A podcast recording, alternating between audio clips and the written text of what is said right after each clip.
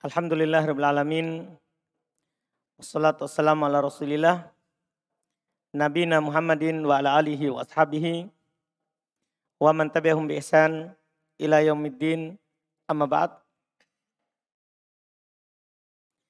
Alhamdulillah kita lanjutkan pembahasan sifat solat Nabi. Kita kemarin sudah masuk di pembahasan ruku dan belum selesai masih beberapa pembahasan. Itu masalah berikutnya di halaman 182, 182. Hukum kembali bersedekap, kembali bersedekap saat bangkit dari ruku. Kan kadang kita lihat orang bangkit dari ruku dia bersedekap. Kadang juga ada yang kita lihat orang saat bangkit dari ruku dia tidak bersedekap lagi dia turunkan tangannya. Nah, dalam masalah ini memang terdapat silam pendapat di kalangan para ulama.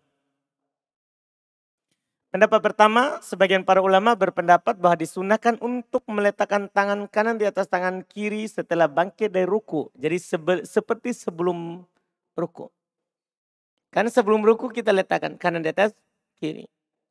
Ketika ruku kita angkat tangan, kita turun ruku, bangkit dari ruku, mereka berpendapat sunnah lagi diletakkan kembali seperti sebelum ruku. Mereka berdalil dengan keumuman hadis-hadis dalam masalah ini. Hadis pertama yang mereka katakan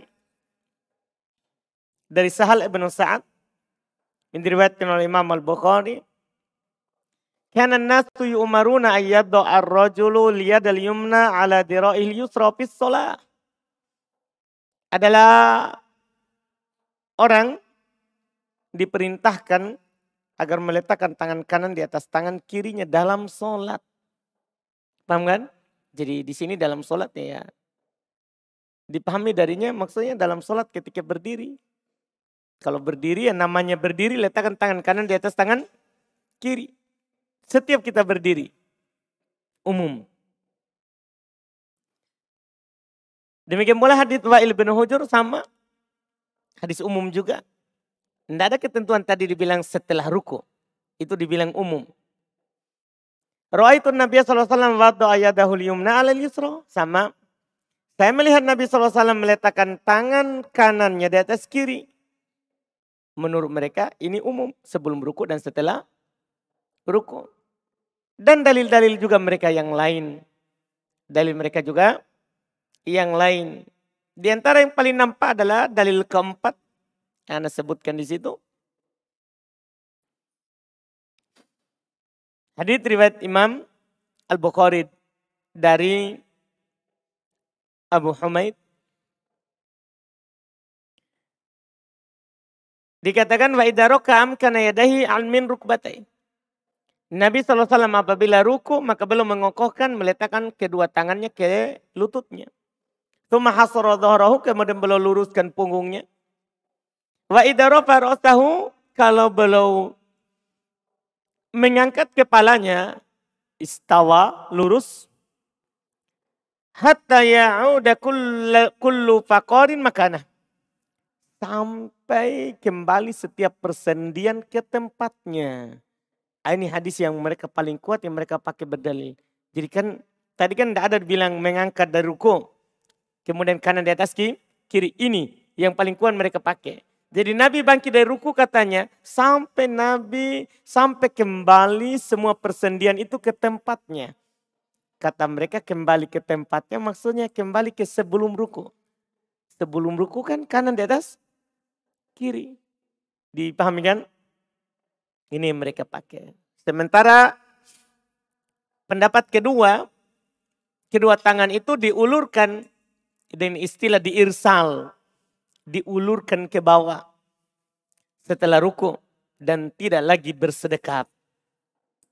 Yaitu tidak lagi bersedekap. Ini pendapat kedua. Ini merupakan pendapat Imam Ahmad dalam satu riwayat dan ini merupakan madhabnya orang-orang syafi'iyah dan disandarkan oleh Syekh Abdullah Al-Bassam dalam kitab Taudihul Ahkam bahwa hal tersebut adalah merupakan pendapat mayoritas ulama. Ini yang kembali tangan itu ke bawah, tidak disedekapkan lagi, disandarkan oleh Syekh Abdullah Al-Bassam adalah merupakan pendapat mayoritas. Dalam dalil mereka dalam hal ini, karena tidak ada nas dalil Quran dan Sunnah yang menjelaskan, tidak ada seorang sahabat Nabi pun yang menjelaskan sifat solat Nabi bahwa Nabi meletakkan tangan kanan di atas tangan kiri ketika bangkit dari ruku. Maksudnya ada, kan dalil-dalil tadi ada, tapi itu kan dalil apa? Umum, kan begitu. Tidak ada dibilang adalah Nabi kalau bangkit dari ruku belum kembali meletakkan kanan di atas kiri. Tidak ada dalil yang langsung seperti itu khusus. Paham kan? Karena tidak ada dalil, makanya mayoritas mengatakan tidak bersedekap lagi. Ya, karena para sahabat itu jangankan posisi tangan kembali dari ruku itu kanan di atas kiri. Jari saja mereka terangkan bagaimana jarinya Nabi. Iya jari kaki saja saat sujud. Mereka terangkan ke arah mana jari saat sujud. Nanti kita akan dapat. Iya. Itu mereka terangkan sholatnya Nabi SAW. Apalagi ini setelah bangkit dari ruku. Tidak ada sahabat yang memang dia melihat Nabi sholat. Kan ada sebagian sahabat. Ya seperti Wa'il bin Hujur. Dia memang sengaja. Saya akan melihat sholatnya Nabi SAW bagaimana beliau sholat. Jadi sengaja lihat. Tidak ada dinukil bahwa Nabi kembali meletakkan kanan di atas kiri. Makanya mayoritas berpendapat seperti itu. Tidak ada penukilan. Iya. Dari dua pendapat ini mana yang kuat? Dari kedua pendapat di atas, dalil masing-masing dari pendapat tersebut sama-sama kuatnya. Di mana pada pendapat pertama itu dipilih oleh Syekh bin Uthaymin, Syekh bin Bas. Demikian pula Syekh Ibn Ibrahim. Sedangkan pada pendapat yang kedua itu yang dipilih oleh Syekh Al-Albani dan Syekh Mukbil. Dan memang memiliki kemungkinan tersendiri Walaupun pendapat kedua itu lebih nampak dan mendekat, lebih mendekati kebenaran. Pendapat yang kedua mayoritas lebih nampak. Memang, tapi pendapat pertama memang ada apa? Ihtimal, ada kemungkinan memang Nabi meletakkan apa? Kanan di atas, kiri, tapi tidak terlalu jelas. Makanya pendapat mayoritas itu lebih nampak. Cuman kalau ada yang melakukan pendapat pertama itu tidak ingkari karena dalil mungkin diarahkan ke situ. Paham kan? Dalil mungkin diarahkan ke situ. Kemudian berikutnya lagi tentang bacaan tasmi dan tahmid saat bangkit dari ruku. Iya. Bagi seorang yang sholat, kalau dia bangkit dari ruku, dia ucapkan sami Allahu liman hamidah. Dan, dan ketika sudah lurus berdiri, dia ucapkan Rabbana lakal hamd. Iya. Ini secara umum dulu. Kemudian setelahnya di halaman 186 bagi seorang imam. Jadi bagi seorang yang sholat, dia bangkit, baca Sami Allahu liman hamidah. Ketika dia sudah tegak berdiri, dia baca Rabbana lakal hamd. Bagi seorang imam, ada silang pendapat apakah dia mengucapkan tahmid Rabbana walakal hamd. Karena kan ada hadis dari Nabi SAW ya yang terkesan bahwa imam itu mengucapkan sami Allah liman hamida dan tidak membaca Rabbana lakal hamd. Di sini ada dua pendapat.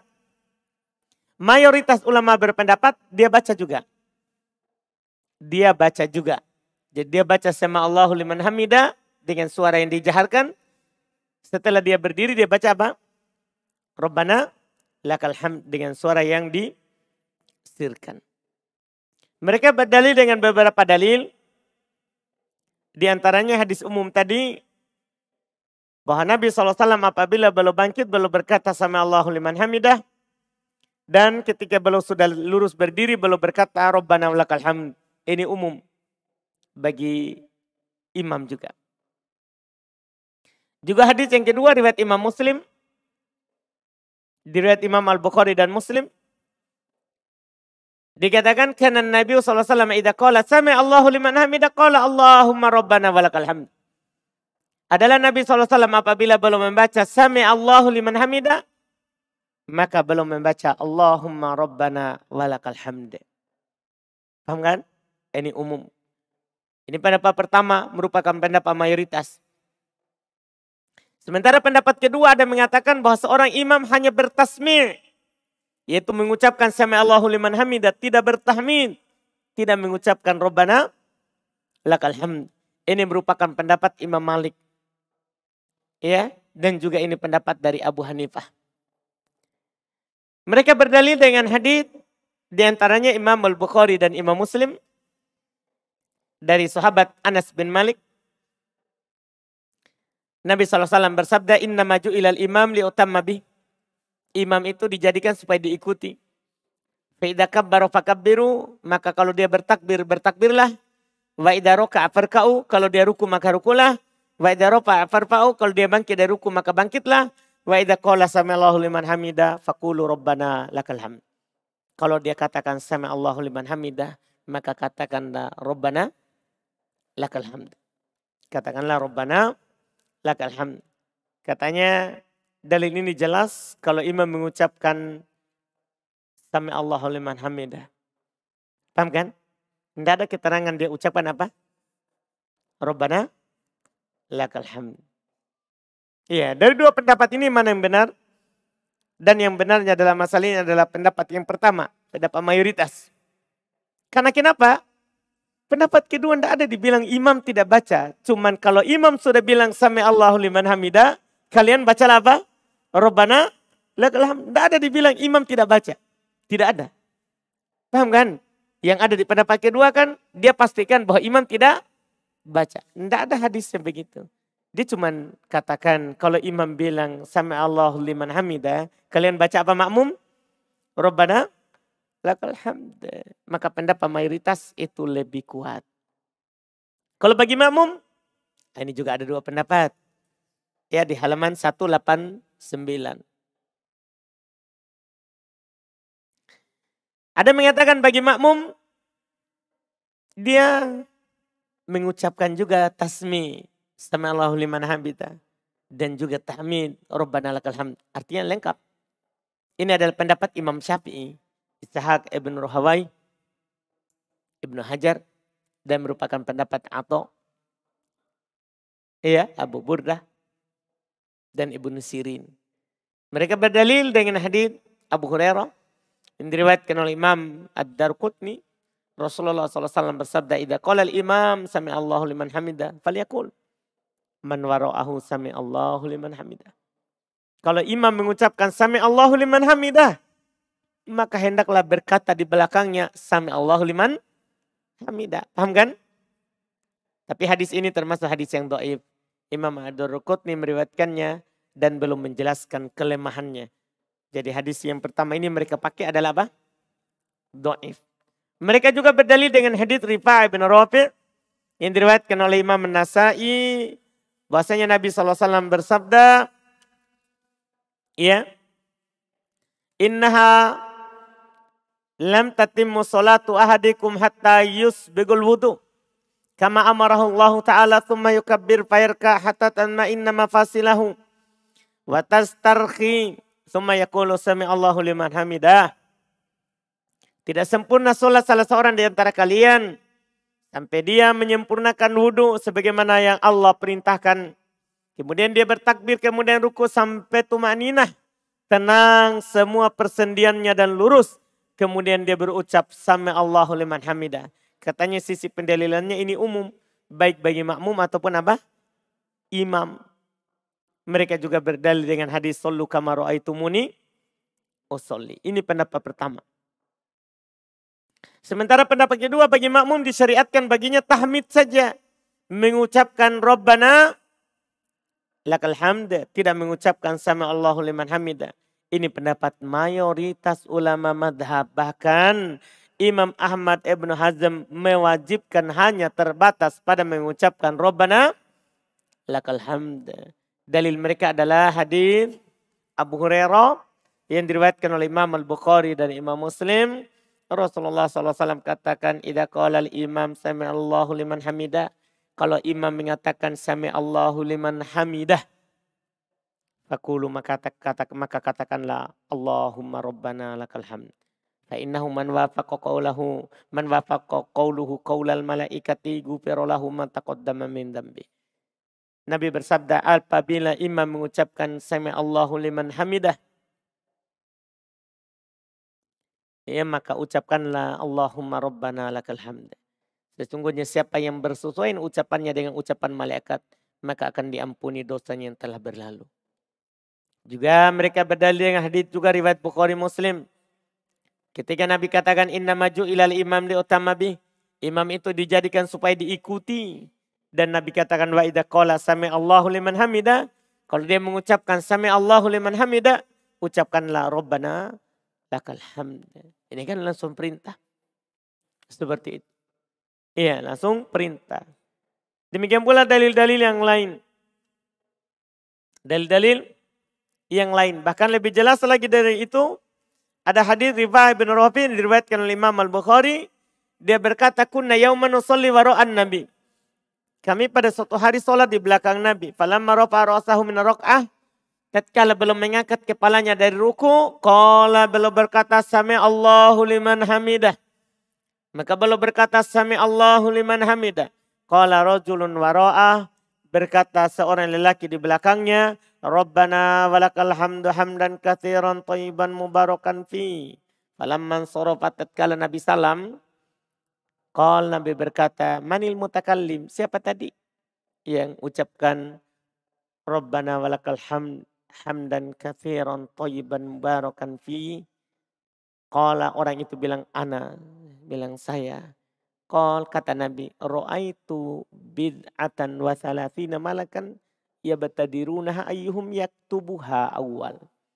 Saya melihat, saya melihat lebih dari 30 malaikat, 33 sampai 37.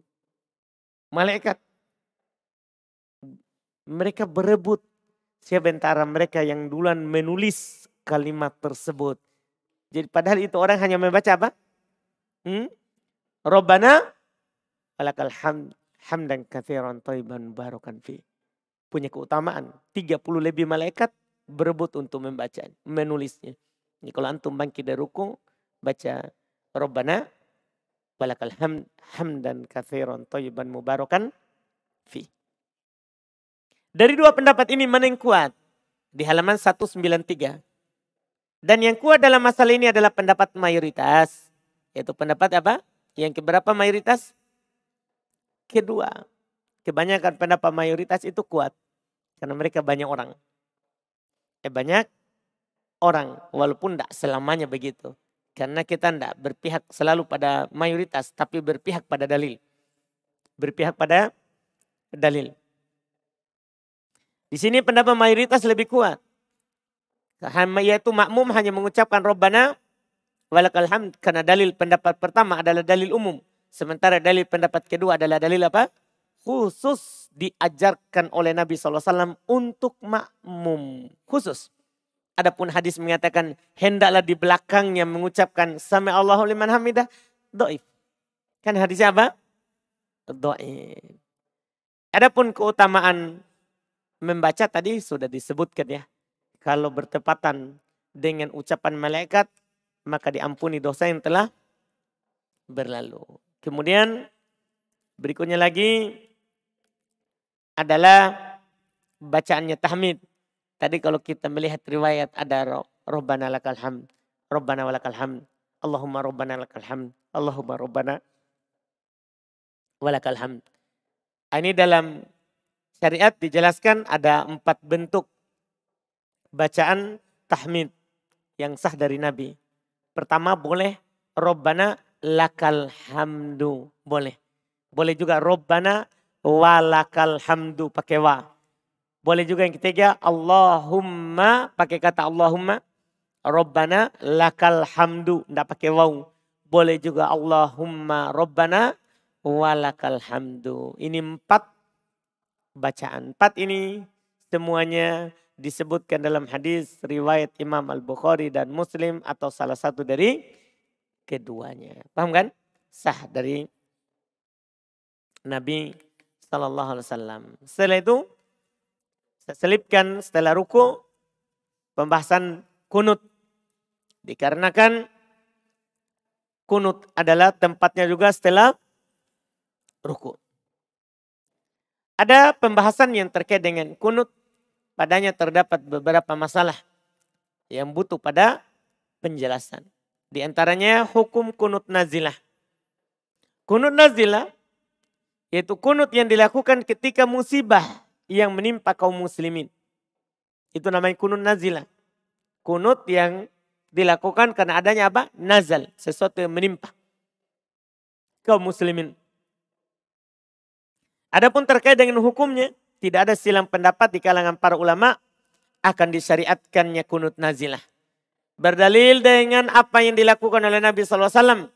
Sebagaimana dalam riwayat Imam Al-Bukhari dari Anas bin Malik.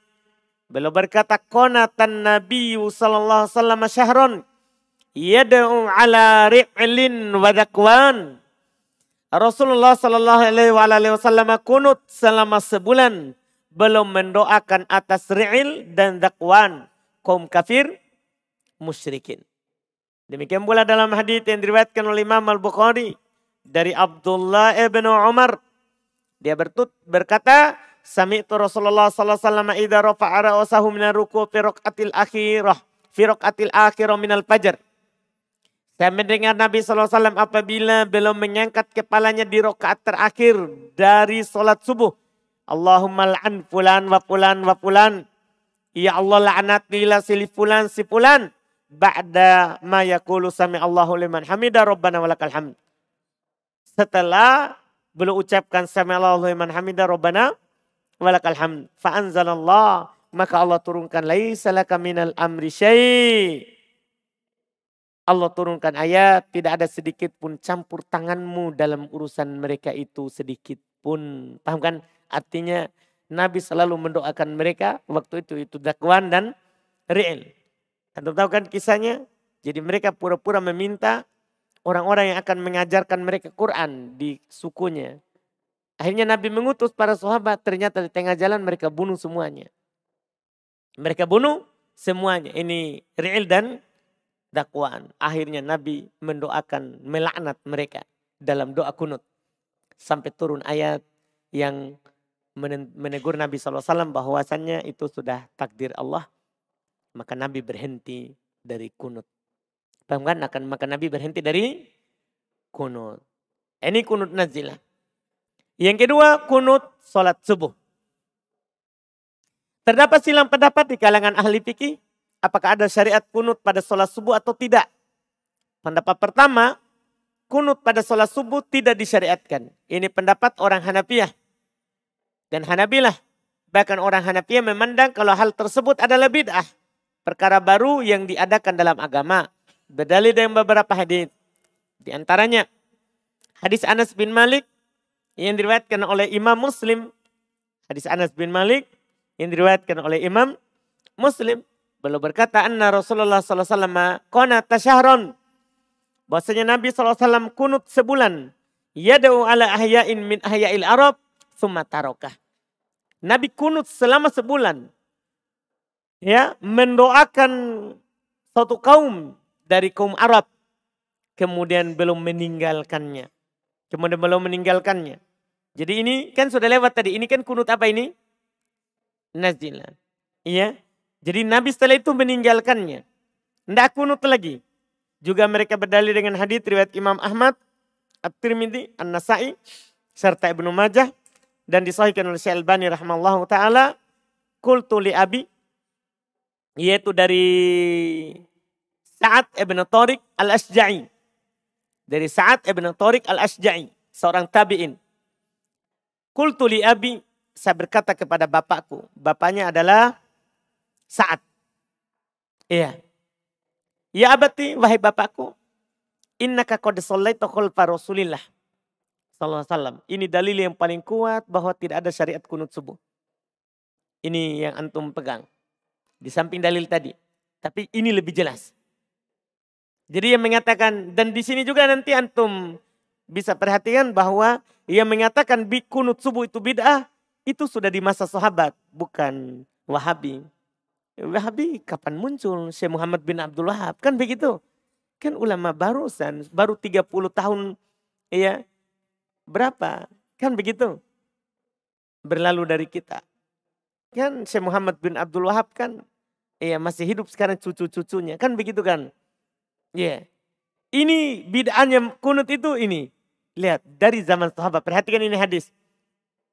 Jadi saat Ibn Tariq al-Asja'i dia berkata kepada bapaknya. Innaka qad shallaita khalfa Rasulillah sallallahu alaihi wasallam. Sungguh kamu telah sholat di belakang Rasulullah. Karena dia sahabat ini bapaknya. Wa Abi Bakar, kamu telah sholat di belakangnya Abu Bakar. Setelah meninggal Rasulullah kan Abu Bakar imam. Wa Umar, kamu telah sholat di belakang Umar. Karena setelah meninggalnya Abu Bakar, Umar yang menjadi imam kaum muslimin. Pemimpin. Karena dulu yang menjadi imam adalah pemimpin wa Uthman. Kamu telah sholat di belakangnya Uthman. Karena setelah meninggalnya umat, Uthman menjadi imam sholat di Madinah. Wa Ali bin Abi Thalib hahuna bil Kufah. Dan kamu telah sholat di belakangnya Ali bin Abi Thalib di sini, di Kufah. Karena ketika kepemimpinan Ali bin Abi Thalib berpindah pusat kepemimpinan kaum muslimin di Kufah. Ya. Nahwan min sana, subhanallah. Kamu telah sholat ini sekitar 50 tahun di belakang mereka. Nah, sekitar 50 tahun kamu sholat di belakang mereka. Akanu yaknutun, itu pertanyaan ini anak. Ini pertanyaan yang bagus. Apakah mereka kunut? Apakah mereka kunut? Kal. Dia berkata, Aibunai muhdas. Wahai anakku, itu bid'ah itu perkara baru. Paham ini? Artinya apa? Nabi tidak kunut. Di penukilan ini kan, Nabi tidak kunut. Abu Bakar tidak kunut. Paham kan? Utsman, Umar tidak kunut. Utsman tidak kunut. Ini kan Nabi dan Khalifah empat. Ali tidak kunut. Paham kan? Dan belum mengatakan itu perkara baru. Yang baru muncul. Iya, ini pendapat pertama. Sementara pendapat kedua katanya disunahkan kunut setiap sholat subuh. Ini pendapat katanya Imam Malik serta orang-orang Malikiyah dan Imam Syafi'i serta orang-orang Syafi'iyah. Bahkan orang Syafi'iyah mengatakan sunnah yang sangat dianjurkan. Maksudnya sunnah muakkadah. Tidak batal sholat jika ditinggalkan. Akan tetapi dia melakukan sujud sahwi jika ditinggalkan karena lupa atau sengaja. sengaja. Iya. Tidak batal sholat. Sebagian orang kalau tidak kunut, dia sholat ulang. Itu salah besar. Karena bagi mengatakan kun, disyariatkan kunut hukumnya adalah apa? Sunnah. Mereka berdalil. Kita lihat dulu dalil. Karena kita selalu melihat dalil. Iya. Mereka berdalil dengan hadis Anas bin Malik. Tadi di atas ada Anas bin Malik kan Nabi tidak pernah kunut kecuali sebulan. Ini juga ada hadis Anas bin Malik. Dia berkata, ini hadis yang paling nampak dan kuat yang mereka pakai. Mazala Rasulullah SAW yakonutu fil fajri hatta faraqad dunya. Rasulullah SAW masih selalu mengerjakan kunut subuh sampai meninggal dunia. Masya Allah, jadi Nabi itu selalu kunut sampai meninggal. Di hadis yang pertama tadi Nabi tidak pernah kunut kecuali sebulan. Paham kan? Di sini Nabi tidak pernah meninggalkan kunut sampai meninggal. Iya kan? Sampai meninggal. Selalu kunut subuh. Hadis jelas sekali. Hadis ini diriwayatkan oleh Imam Ahmad. Ada nomor jenis itu. Ada Rukutni, ada nomornya. Al-Bayhaqi ada nomornya. Tapi dilemahkan oleh para ulama hadis. Seperti Syekh Albani dalam silsilah do'if. Syekh Albani masukkan hadis ini di golongan hadis do'if. Karena di dalam sanatnya terdapat rawi yang bernama Abu Ja'far Ar-Razi. Ini penyakitnya. Di dalam sanatnya terdapat rawi yang bernama Abu Ja'far Ar-Razi. Dia adalah rawi yang lemah hadisnya. Bahkan menyelisih hadis yang sahih. Oleh karena itu Ibnu Rajab menyatakan hadis ini mungkar palsu. Masalahnya di muslim Nabi tidak pernah kunut kecuali sebulan. Tiba-tiba di luar muslim Nabi tidak pernah tidak kunut. Selalu kunut sampai meninggal. Kalau Ibnu Rajab mengatakan ini hadis palsu. Hadis ini setelah saya periksa lagi karena banyaknya juga orang yang ya berdalil dengan hadis ini akan kuatnya. Ini kan Imam Ahmad yang meriwayatkannya. Kalau Ibnu Rajab bilang Ibnu Rajab ini orang Hambali juga mengatakan ini hadis palsu. Kenapa bisa? Saya periksa lagi ternyata ini Abu Ja'far Ar-Razi namanya Isa Ibnu Mahan. Ini Abu Ja'far Ar-Razi. Ar-Razi. Berkata Ibnul Madini yaitu Ali ibn Ibnul Madini tentang orang ini Abu Ja'far Ar-Razi karena yakhlut dia selalu campur hadisnya. Kadang hadisnya sahih digandung dengan hadis yang doib. Dia orangnya ikhtilat, campur hafalannya. Berkata Yahya, karena yukti. Dia selalu salah. Ini Abu Ja'far Razi. Nah, termasuk ini kesalahannya ini. Di hadis sahih riwayat Muslim, Nabi tidak pernah kunut kecuali sebulan. Tiba-tiba dia katakan Nabi selalu kunut sampai meninggal. Karena yukti Imam Ahmad. Kan Imam Ahmad yang meriwayatkan ini hadis. Kata Imam Ahmad, laisa bil qawi fil hadis. Ini orang tidak kuat dalam hadis. Ini Abu Ja'far Razi. Berkata Ibnu Hibban apalagi karena yang farid bil manakir adil masyahir. Dia selalu bersendiri meriwayatkan hadis-hadis mungkar dari mas, dari masyahir. Ini orang. Abu Ja'far Ar-Razi. Paham kan Abu Ja'far Ar-Razi. Maka pendapat yang kuat antum bandingkan hadis. Satu hadis sahih, satu hadis apa? Doi. Pendapat yang kuat tentunya jika kita memandang dari kesohihan dalil. Kita tidak memandang imam ya. Karena kadang kalau kita bilang imam, ya kita ikut imam. Ini kadang orang bilang, oh itu kan imammu, tak? ini saya imamku. Nah, kita memandang dalil. Iya, kita dekatkan orang dengan dalil, bukan dengan imam. Dekatkan orang dengan Nabi SAW. Jadi ketika kita melihat dalil, maka tidak diragukan bahwa pendapat yang benar adalah pendapat yang pertama. Sebagaimana dipilih oleh Ibn Taimiyah dan Ibnul Qayyim. Jelaskan? Ini penting pembahasan ini antum kuasai dan antum jelaskan dalilnya. Paham kan? Karena nanti antum tidak ditutup kemungkinan akan ditanya tentang kunut subuh. Ya, bahkan ini bisa dijadikan untuk menguji antum.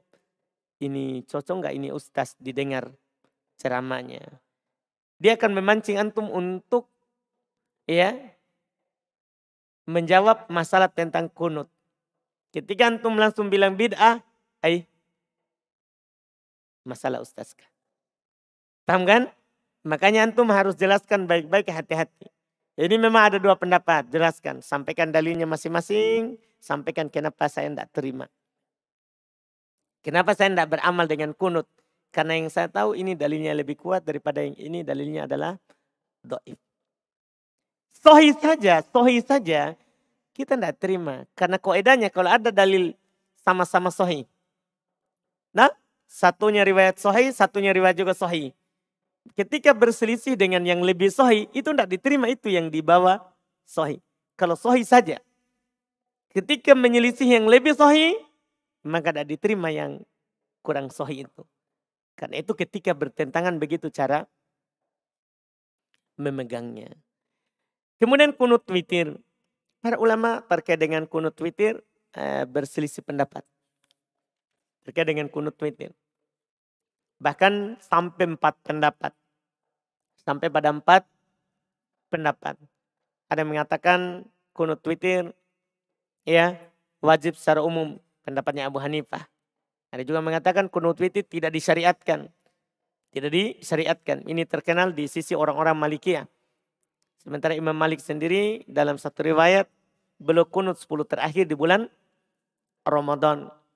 pendapat ketiga disunahkan witir pada setengah terakhir di bulan Ramadan secara khusus. Ini madhabnya Imam Syafi'i dan orang madhabnya orang-orang Syafi'iyah. Pendapat keempat disunahkan kunut pada setiap witir secara umum. Ini pendapat yang terkenal merupakan madhab dari orang-orang Hanabilah serta ini yang dipilih oleh kedua temannya Abu Hanifah yaitu Abu Yusuf dan Muhammad. Adapun nampak bagi kita terkait dengan hukum kunut pada sholat witir adalah sunnah. Akan tetapi hal tersebut tidak dilakukan secara terus menerus karena tidak valid dari Nabi SAW bahwa beliau kunut witir. Kunut pada sholat witir. Dan ini juga dikatakan oleh Syekh bin Uthaymin. Syekh bin Uthaymin beliau rahmahullah ta'ala menegaskan bahwa kunut witir itu tidak dilakukan secara terus menerus. Tidak dilakukan secara terus menerus. Adapun tempat kunut, ya ada yang mengatakan setelah ruku dan ada yang mengatakan ya ada yang mengatakan boleh sebelum ruku dan setelah ruku. Ada juga mengatakan dilakukan setelah ruku. Yaitu setelah ucapan sama Allah liman hamidah. Rabbana walakal hamd. Ini pendapat orang Hanafiyah. Yang nampak bahwa ya kunut boleh dilakukan sebelum dan setelah ruku. Karena semuanya sama-sama ya sah ya dari Nabi Shallallahu Alaihi Wasallam terkait dengan ya kunut. Boleh sebelum ruku, boleh juga setelah ruku. Boleh. Tapi antum melihat kebiasaan di masyarakat. Jangan sampai antum nanti dianggap apa melakukan apa? Bid'ah. Ketika masyarakat biasa setelah setelah ruku, ya antum lakukan setelah ruku. Jangan sebelum ruku. Walaupun dua-duanya boleh, tapi nanti antum akan dianggap membawa ajaran baru.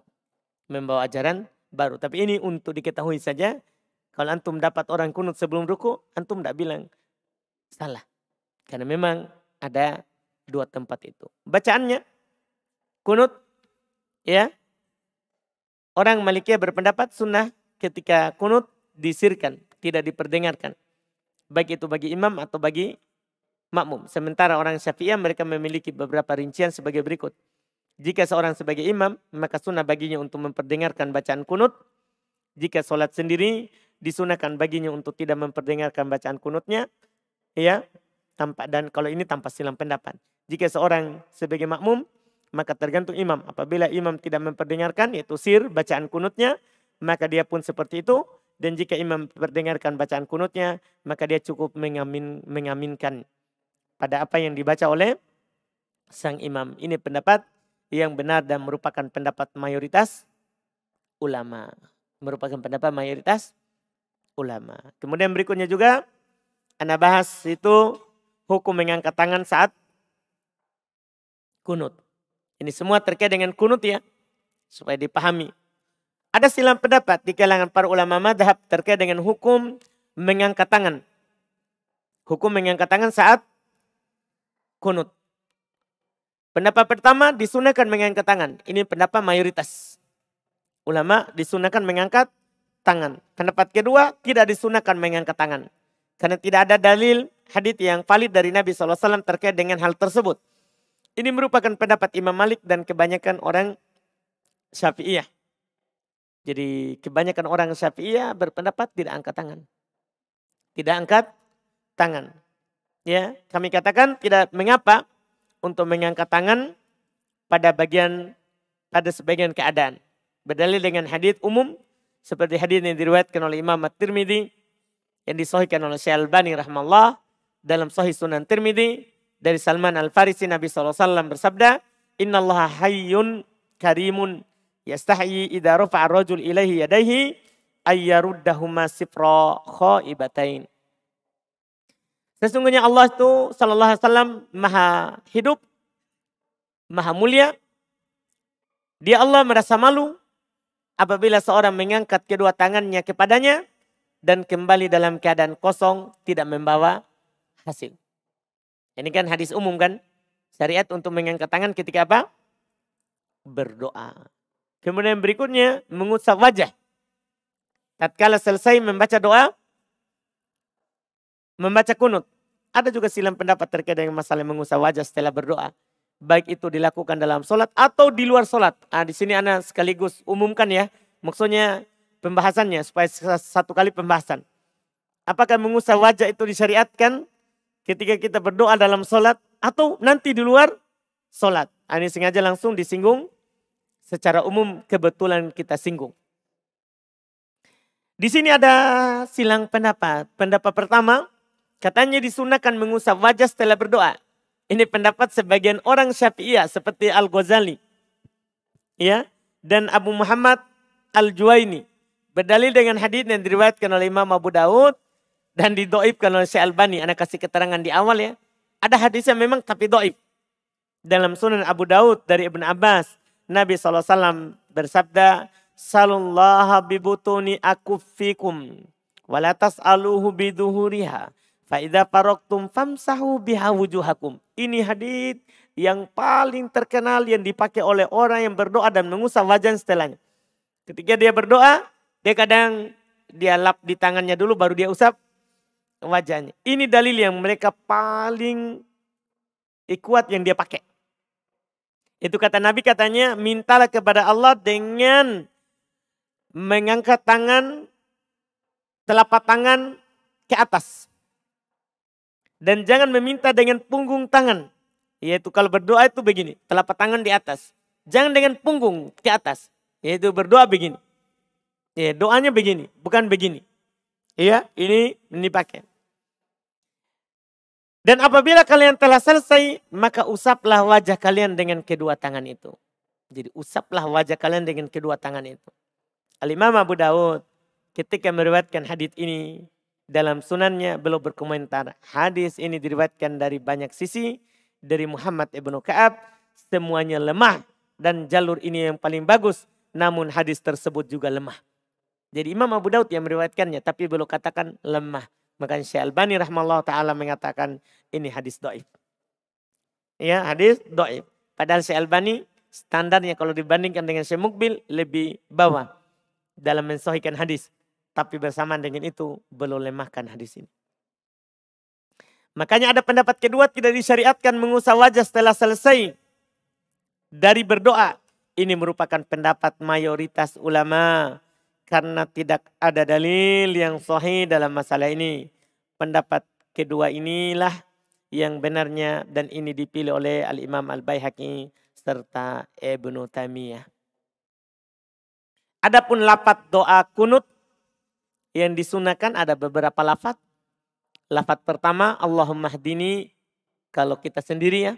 Kalau kita banyak orang, kita sebagai imam Allahumma hdina. Paham kan?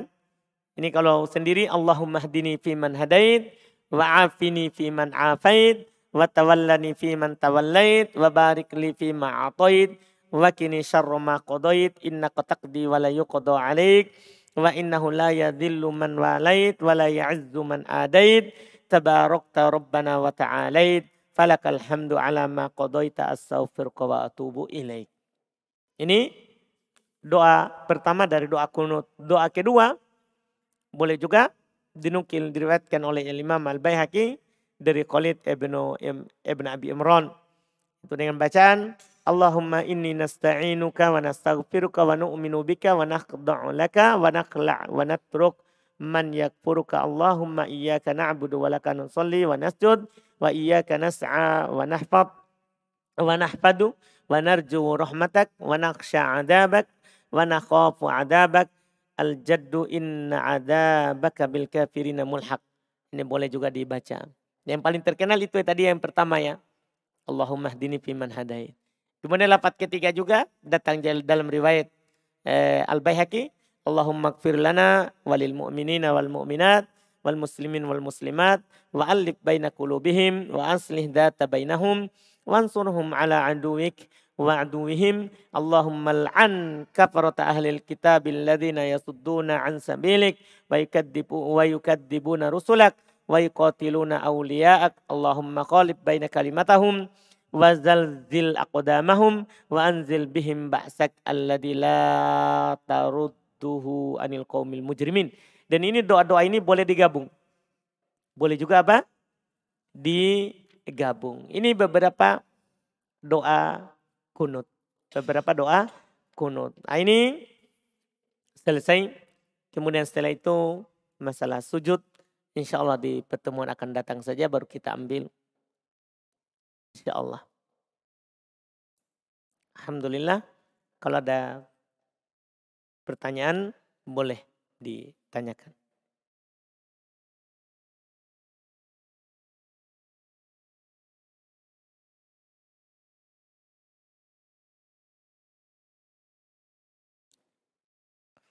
Kita mulai dari sebelah sini.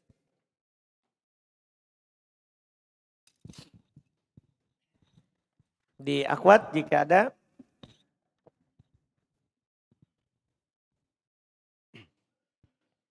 Bismillah. Terkait dengan pembahasan hukum kunut dan hukum kunut pada sholat subuh. Tentang hadisnya Sa'ad bin Tariq Apakah hadis ini sampai ke Imam Syafi'i sama Imam Malik? Tidak tahu.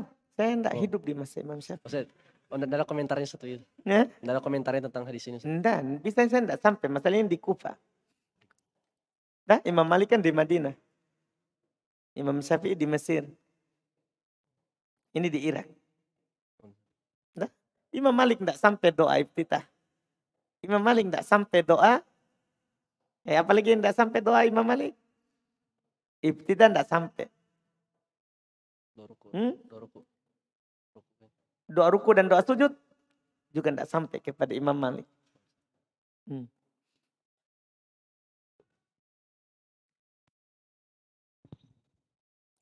Nah, tanya Ustaz, eh, saya pernah dengar eh, ada mengatakan eh, kata Sami Allah Sami Allah liman hamidah itu kata samianya bermakna istajib eh al ijabah itu bagaimana Ustaz? Gimana?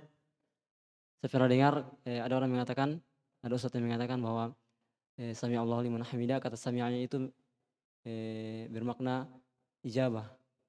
Bermakna? Ijabah. Ijabah. Pengabulan. Enggak tahu. Ya, antum sudah tahu begitu, alhamdulillah. Tapi saya tidak tahu. Kedua Ustaz, pertanyaan kedua. Apakah benar eh, tentang orang-orang yang mengatakan bahwa manusia itu bisa dibawa ke alam jin. Apakah benar tentang orang-orang yang mengatakan manusia itu bisa dibawa ke alam jin? Manusia itu bisa dibawa ke alam jin. Bisa kalau jin bawa. Maksudnya bisa hidup di alam jin begitu? Iya. Kalau jin bawa. Nah, hmm, dia akan hidup. Kan jin juga kan di bumi. Alamnya di bumi. Cuma dia tidak dilihat kan. Dia dicipta dari api. Dia bisa dilihat kalau dia berubah bentuknya ke yang bisa dilihat. Dia berubah ke anjing, dia berubah ke hewan atau ke manusia.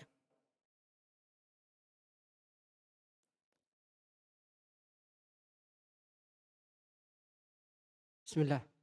Anu masalah misalnya misalnya kita jadi masalah, imam. Masalah hmm? Masalah misalnya. Hmm. Oh, Misalnya kita jadi imam misalnya. Kita, kita jadi imam. Terus? Di orang awam. Di orang awam. Kita tidak kunut subuh. Hmm. Lalu orang awam di belakang, subhanallah, subhanallah. Hmm. Langsung kita setelah itu kita sujud. Hmm. Habis sholat langsung, kenapa kok tidak anu tadi? Hmm. hmm. Terus? ya. Bagaimana kita mau tanggap yang seperti ini Ustaz? Hmm? Ya kalau antum bisa jelaskan, jelaskan di situ nih waktunya. Nah, kalau tidak bisa antum jelaskan, diam saja. Iya. hmm. itu kan karena kebodohannya. Dia bilang subhanallah seakan-akan kita meninggalkan yang wa, hmm. yang wajib atau yang rukun. Ya kan? Dia meninggalkan sunnah, tidak perlu diteriaki subhanallah. Kan begitu? Maafkan saja. Itu karena kebodohannya. Nah, Ustaz. Yang kedua, Ustaz. Misalnya Tadi dengan Ramadan misalnya Ustaz. Antum dengan Ramadan? Iya, misalnya Ramadan seorang peternak sapi misalnya. Hmm, baik, Masya Allah. Enggak, dia itu petani kelapa sawit. Bukan peternak sapi. Hmm. Misalnya, terus saya beli sapi yang sedang hamil. Hmm. Saya datang bawa sama Ramadan. Bilang untuk dipelihara. Terus saya bilang, eh, anaknya Anak. Antum beli sapi di Ramadan. Beli sapi di orang lain. Oh tadi Ramadan. Ini Baru masalah. Baru baru di bawah sama Ramadan untuk dia yang pelihara begitu. Hmm, baik. Hmm. Nah, tapi kan lagi hamil. Sapinya. Iya. Hmm. Anaknya ini kalau anu saya yang ambil. Kalau anu anaknya. Maksudnya kalau me- melahirkan ini. Kalau lahir. Iya. Hmm. Anaknya saya yang ambil. Terus Tapi induknya eh, saya kasih uang kepada Ramadan saja. Karena saya merasa kasihan. Ah, ah. Karena dia sudah pelihara sapi saya, tuh dia melahirkan baru bukan Dia jatahnya. melahirkan. Sapinya Ramadan? sapinya. Oh sapinya. Hmm. Sapinya Hmm. melahirkan, Hmm. sapinya melahirkan. Tapi saya yang ambil. Saya yang hamil. Iya. Apa? Sapinya yang melahirkan itu, Terus yang hamil tadi, yang hamil tadi. iya, saya yang ambil. Antum ambil. Iya. Baik. Saya dengar saya hamil. Hmm. Terus Ah, tapi dengan saya kasih saja uang kepada Ramadan satu juta sebagai uang eh, capek. Iya, uang capeknya Ustaz. Hmm. Nanti kalau eh, hamil lagi melahirkan lagi yang kedua, misalnya dia anu lagi hamil lagi, sapinya ini maksudnya. Iya. Iya. Baru Ramadan yang ambil. Bagaimana hukumnya itu kita kasih uang? Kenapa kita kan akad kerjasama kan? Akad kerjasama itu kerjasama bagi hasil. Lahir pertama saya, lahir kedua kamu. Kan begitu saja tuh kenapa? Kasih lagi uang. Tapi siapa tahu misalnya Ramadan dia merasa, wih sulitnya ini saya. Ya, makanya, ter- makanya akad dulu dari awal. Akad ini Ramadan, ada sapi saya, sapi sedang hamil. Kamu mau nggak pelihara? Dengan akad, kalau lahir pertama untuk saya, lahir kedua untuk kamu. Nanti lahir lagi untuk saya, lahir lagi untuk kamu. Hmm. Akad dulu. Supaya antum tidak merasa dolim terhadap Ramadan. Kan begitu toh? Atau lahir pertama, kedua saya, lahir ketiga kamu. Nanti lagi ke eh, empat, lima, saya, enam, kamu. Kan boleh juga begitu. Tergantung akad di awal. Hmm. Jazakumullah khair. Oh iya.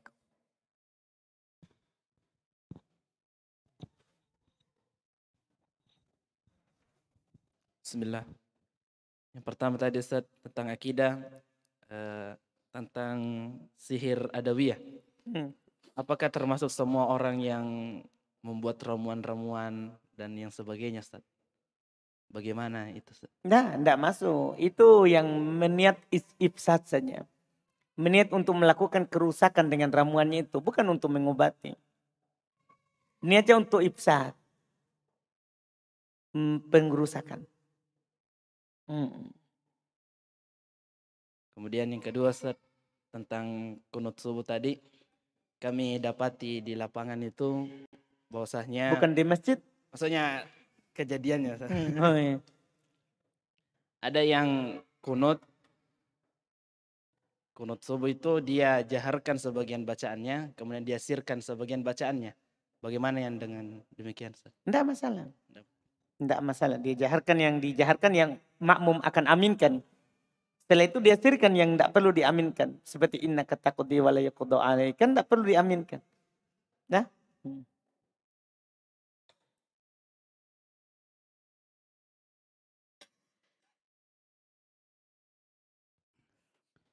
Bismillah. Kita melihat di kampung Ustadz ada yang mengobati dengan tiup di botol gitu Ustadz. Meniup ramuan di botol. Hmm. Bagaimana hukumnya itu? Apa yang dia baca? Bacaan yang Hmm. Apa yang dia baca? tidak jelas Ustadz.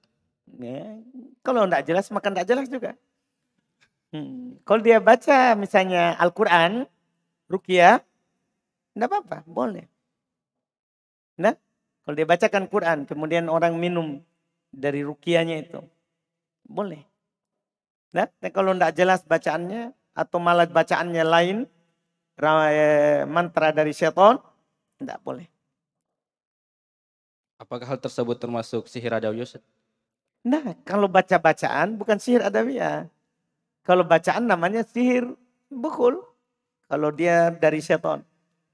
Nah, yang baca bacaannya itu dari setan, sihir se- Terus bagaimana hukum pelakunya Ustaz? Kafir kan pelakunya. Ketika dia bertobat tapi sebelumnya dia sudah mengajarkan doa tersebut kepada orang lain. Hmm, dia terhapus dosanya. Tinggal dia katakan kepada orang lain tadi, ternyata itu yang saya ajarkan salah. Yang kamu pakai. Selanjutnya Ustaz, eh, persyaratan tobat itu kan ada lima Ustaz. Namun tidak disebutkan di situ bahwa salah satu syaratnya itu membayar kafaroh bagi dosa-dosa yang berkaitan dengan kafaroh. Eh, kalau tidak ada kafarohnya kan kafaroh itu harus ada dalilnya baru dia bayar. Yang ada dalilnya saja. Kalau tidak ada dalilnya kafaroh cukup bertobat saja. Bagaimana kalau orang yang dia bertobat saja tapi tidak membayar kafaroh itu bagaimana hukum tobatnya? Sah. Yang penting tidak ada memang kafaroh dianjurkan. Kan saya sudah bilang tadi, kalau ada syarat harus bayar kafaro, tidak sah. Ya, sudah sah tobatnya tapi kurang karena tidak bayar kafaro. Nah, kan tidak semua dosa ada kafaronya. Paham kan? Yang ada kafaronya saja. Misal, dia mendatangi istrinya di siang hari di bulan Ramadan. Kan wajib dia bertobat. Karena sengaja membatalkan puasanya kan begitu. Wajib dia bertobat dan wajib bayar kafaro. Kasih makan 60 orang miskin. Nah. Jadi tobatnya kalau misalkan dia mampu hmm. namun sengaja meninggalkan kafaronya Ustaz. Namun dia betul-betul bertobat dari dosanya tersebut. Eh, kurang. Karena belum melakukan kewajiban. Sah tobatnya tapi dia berdosa karena tidak lakukan kewajiban. Membayar kafaroh. Syukur Ustaz.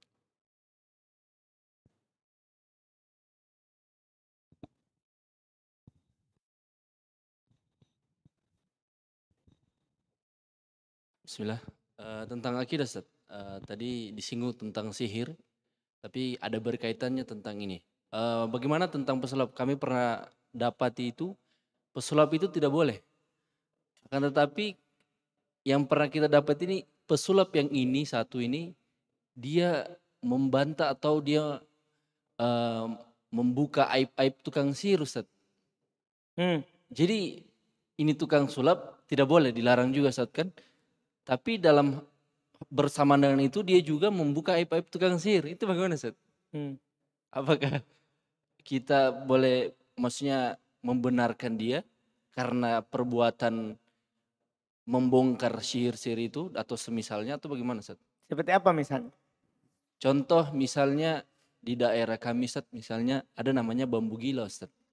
Apa? Bambu gila. Bambu gila. Nah, biasanya itu ada sekitar tujuh orang atau biasanya itu kita kasih ganjil tujuh orang. Misalnya ada satu pawang, dia meniupkan meniupkan itu uh, di pesulap tersebut. Dia bongkar dengan sulap juga? Iya, nah Ustaz. Enggak boleh.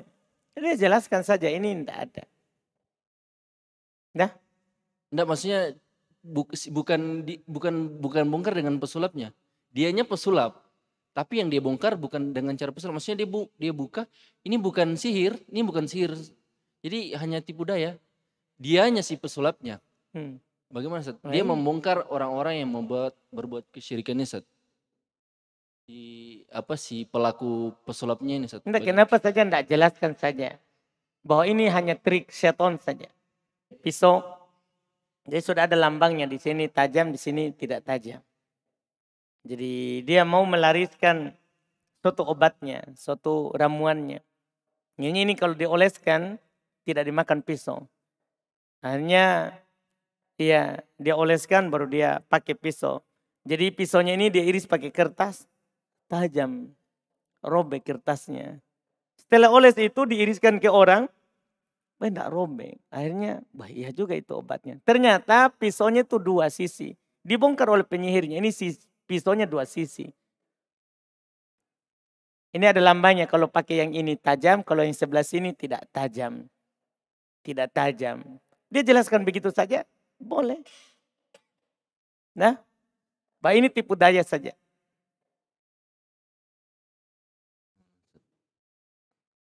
Terus yang kedua uh, perkara orang yang merukia misalnya, tapi dia ada mempersyaratkan beberapa saat misalnya pernah dapat itu dulu di rumah saat dia bawa air terus dia bilang jangan pegang pantatnya pantat botolnya saat misalnya Hmm. Nggak boleh. Dan ada semisal misal syarat-syarat yang lain itu walaupun dia dia katakan dia ustadz atau pengrukia itu bagaimana Ustaz? Apakah Nggak kita boleh. iya kan? Tidak ada begitu begitu. Tidak boleh itu menunjukkan dia bukan ustaz, itu dukun. Udah? Kan beda tipis sekarang ustaz sama dukun. Sama-sama pakai sorban. Nah, itu kalau seperti itu berarti dia bukan ustaz, dukun itu. Orang pintar. Hmm. Tiga saat pertanyaan terakhir. Eh, berbicara tentang kunyah Ustaz. Kunyah itu kan eh, sunnah dari Nabi SAW. Terus yang kami tanyakan di sini adalah kebanyakan kita dapati mungkin di daerah eh, di negara kita ini itu biasanya akan terpakai ini kunyah hanya orang-orang yang se- semasa dengan maksudnya contoh kita sesama penuntut ilmu misalnya Ustaz.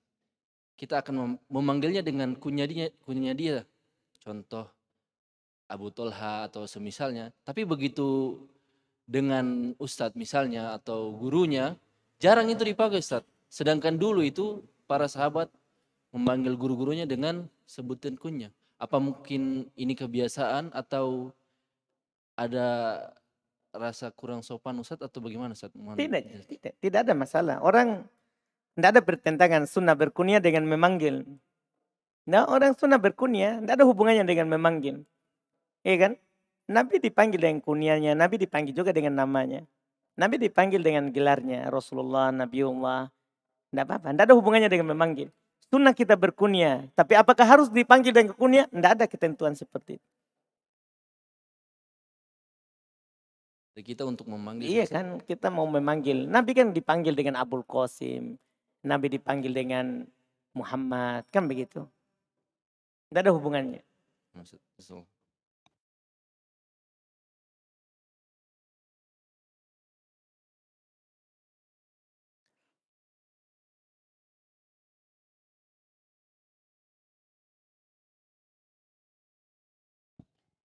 Bismillah. Bagaimana hukumnya saat sholat di belakang iman yang imam tersebut adalah seorang dukun? Tidak sah. Kan dukun kafir. Yang jadi kalau makmumnya Ustaz bagaimana itu? Tidak sah. Sholat tempat lain.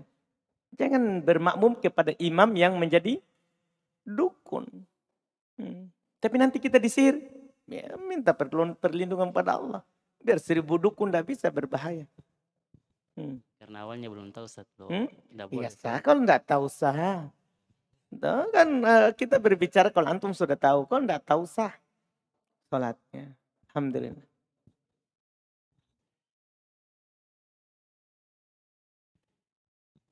Bismillah.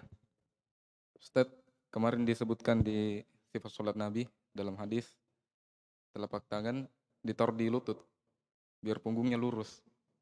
Bagaimana dengan orang yang tangannya agak panjang sehingga kalau dia ruku eh, punggungnya agak naik, tidak lurus. Tapi biasanya itu sudah siku.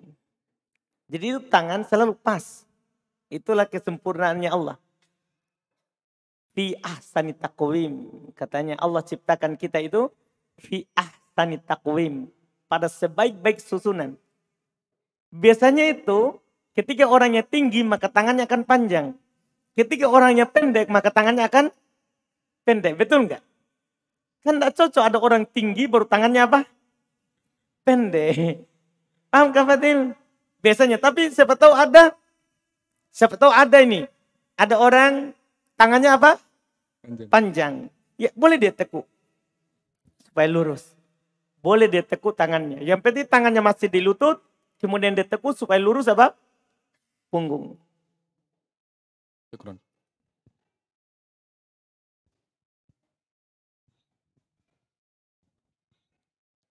Bismillah.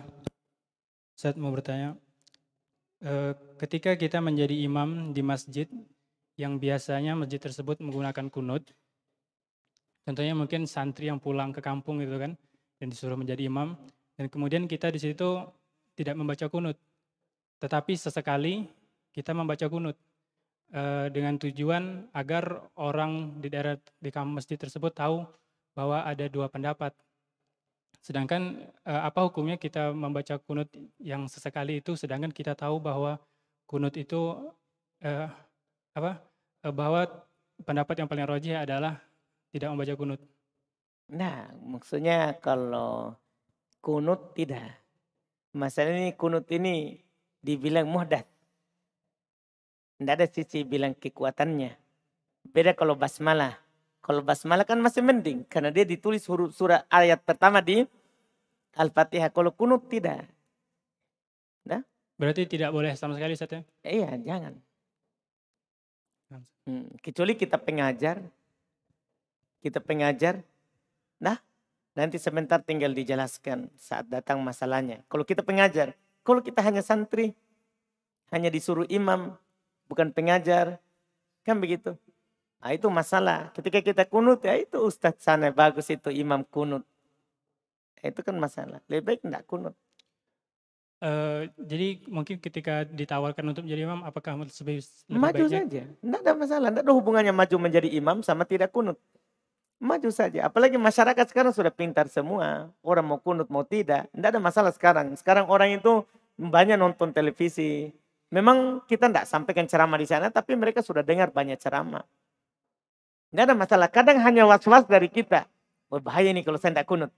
Kecuali memang kejadian nyata, kejadian ada sebelumnya orang tidak kunut, pulang mukanya sudah bangun bonyok-bonyok. Kalau ada kejadian begitu, jadi tidak boleh kita mengamalkan sesuatu karena was-was saja. Nah, di situlah kita. Rata-rata juga sebenarnya tidak masalah. Tidak ada masalah. Cuman was-wasnya orang tinggi. Orang kadang beramal dengan persangka. Dia selalu was-was nanti saya, nanti saya. Memang ada kejadiannya. Nah, saya berapa kali bilang kunut tidak disyariatkan. Tidak ada juga masalah. Belum pernah ada orang pukul. Pading bilang, eh, kayaknya terakhir ini Ustaz. Tidak ada masalah. Masih banyak mesin lain. Buktinya kita tetap ditolak. Saya misalnya di Makassar. Sudah berapa masjid saya ditolak. Sudah ngisi janji yang bilang pengajian rutin. Ternyata nanti di SMS, Ustaz, mohon maaf, pengurus tidak mau. Tidak ada masalah.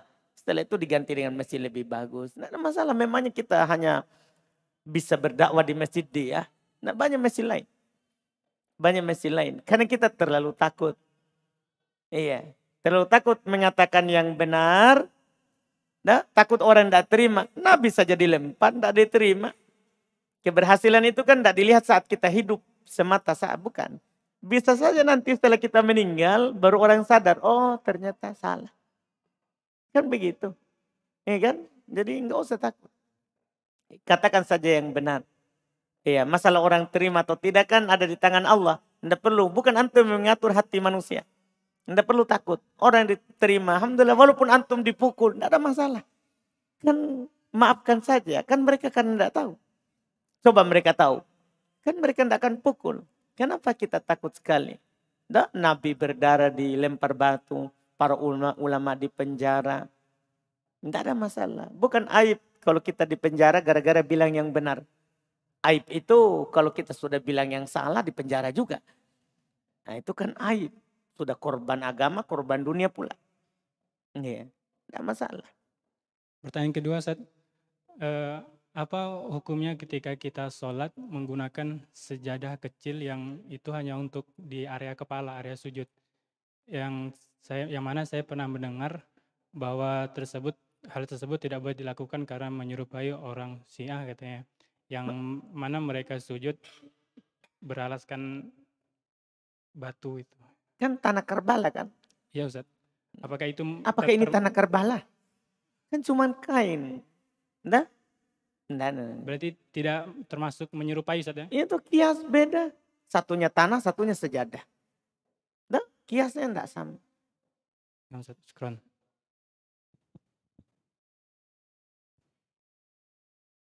Alhamdulillah tidak ada. Tidak ada. Dan dari tadi saya sudah begini, Hmm? Tunggu memang terakhir. Hmm. Terakhir.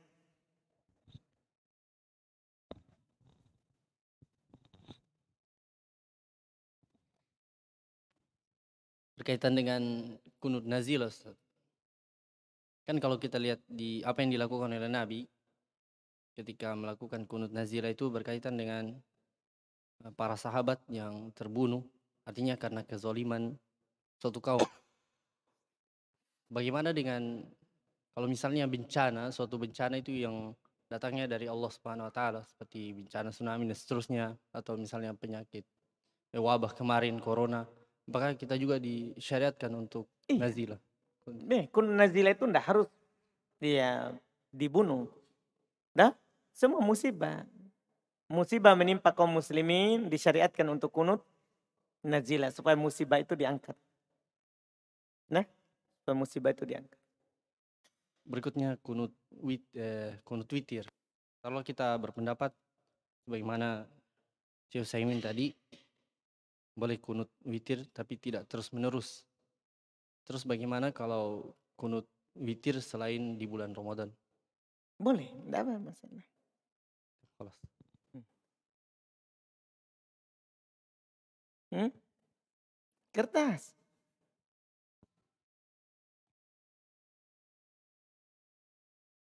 Kapan sholat sunnah masuk masjid dilaksanakan? Saat masuk masjid. Itu kan namanya sholat sunnah masuk masjid.